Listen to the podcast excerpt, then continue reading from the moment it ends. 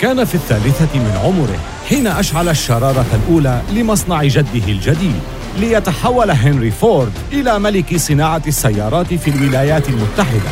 لكن تحالفا لصانعي السيارات هدد هذه الصدارة لتعترض شيفروليه طريق فورد. الآن بعد انتهاء الحرب العالمية يجد الفتى نفسه في موضع جده. يقود شركة فورد في منافسة لن تكون ضد شيفروليه وحدها بل ضد غزو جديد يغير ثقافة الأمريكيين ويصرفهم عن السيارات الكبيرة إلى سيارات أخرى أصغر.